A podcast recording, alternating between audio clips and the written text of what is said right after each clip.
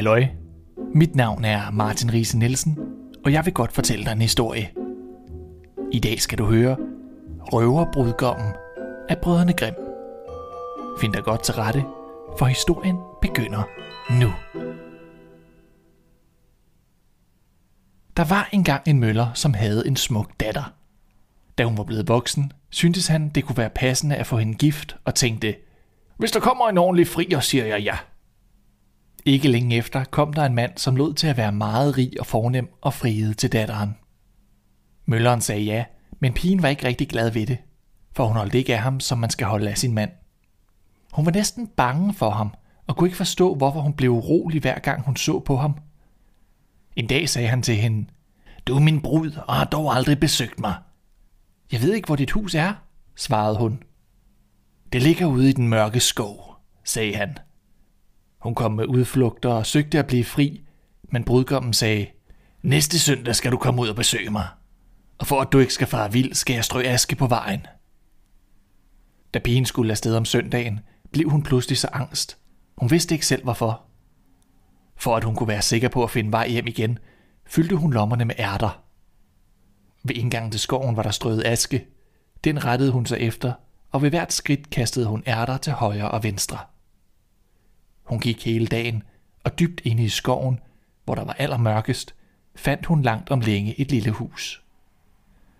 Det så skummelt og uhyggeligt ud, og da hun skælvende gik derind, traf hun ikke et menneske. Der var død stille, men pludselig hørte hun en stemme råbe. Du unge brud, vend om, vend om!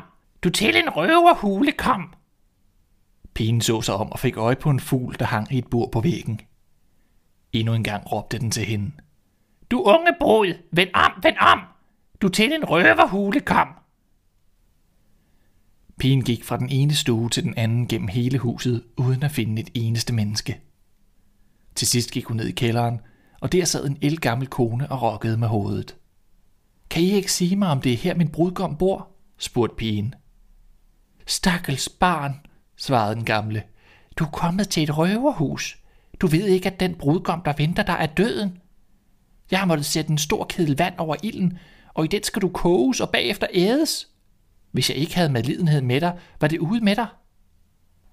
Hun skjulte nu pigen bag et stort kar, hvor man ikke kunne se hende. Sid stille som en mus, sagde hun. Hvis du rører dig, er du fortabt. I nat, når røverne sover, løber vi bort sammen. Jeg har længe ventet på en lejlighed til at slippe herfra. Et øjeblik efter kom røverne hjem. De slæbte en ung jomfru med sig, og brød sig ikke om, at hun græd og bad for sig. De gav hende tre glas vin at drikke. Et glas rød, et glas hvid og et glas gul. Da bræst hendes hjerte. De rev klæderne af hende, lagde hende på bordet, skar hende i stykker og strøede salt på. Den stakkels pige bag ved karret rystede af angst, for hun så nu, hvad for en skæbne, der var tiltænkt hende. En af røverne opdagede, at den dræbte havde en guldring på lillefingeren, og da han ikke kunne få den løs, greb han en økse og huggede fingeren af. Den fløj i vejret og faldt lige ned i skødet på bruden, der sad bag ved karret. Røveren tog et lys og gav sig til at søge efter den, men kunne ikke finde den. Har du set bag ved det store kar? råbte en af de andre. Eh, kom nu bare og spis, sagde den gamle kone. Fingeren løber jo ikke fra jer. Det har du ret i, råbte røverne og satte sig til bords.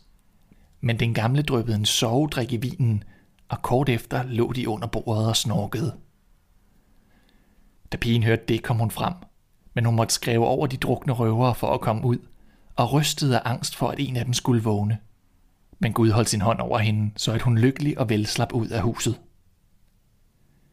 Vinden havde blæst asken bort, men ærterne havde slået rod, og de havde ingen møje med at finde vej i det klare måneskin.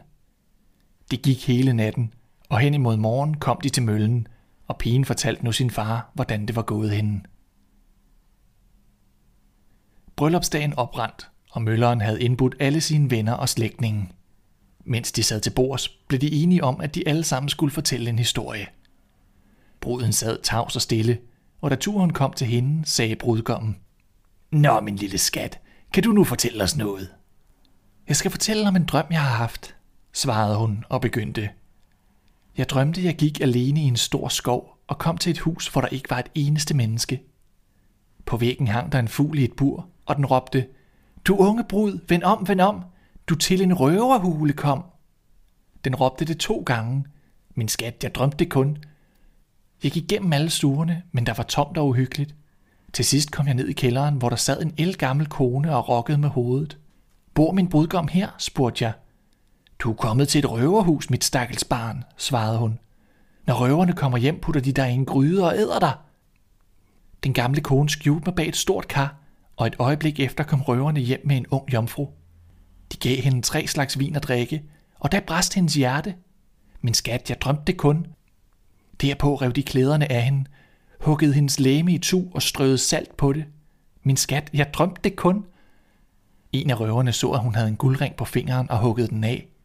Men den sprang lige hen i skødet på mig. Og her er fingeren med ringen. Med disse ord tog hun fingeren frem og holdt den op over bordet. Røveren var blevet lige bleg og sprang op for at løbe sin vej, men han blev grebet og ført for dommeren, og hele banden blev derpå henrettet. Det var alt for nu. Tak fordi du lyttede til Rise Fortæller. Jeg håber, vi høres ved.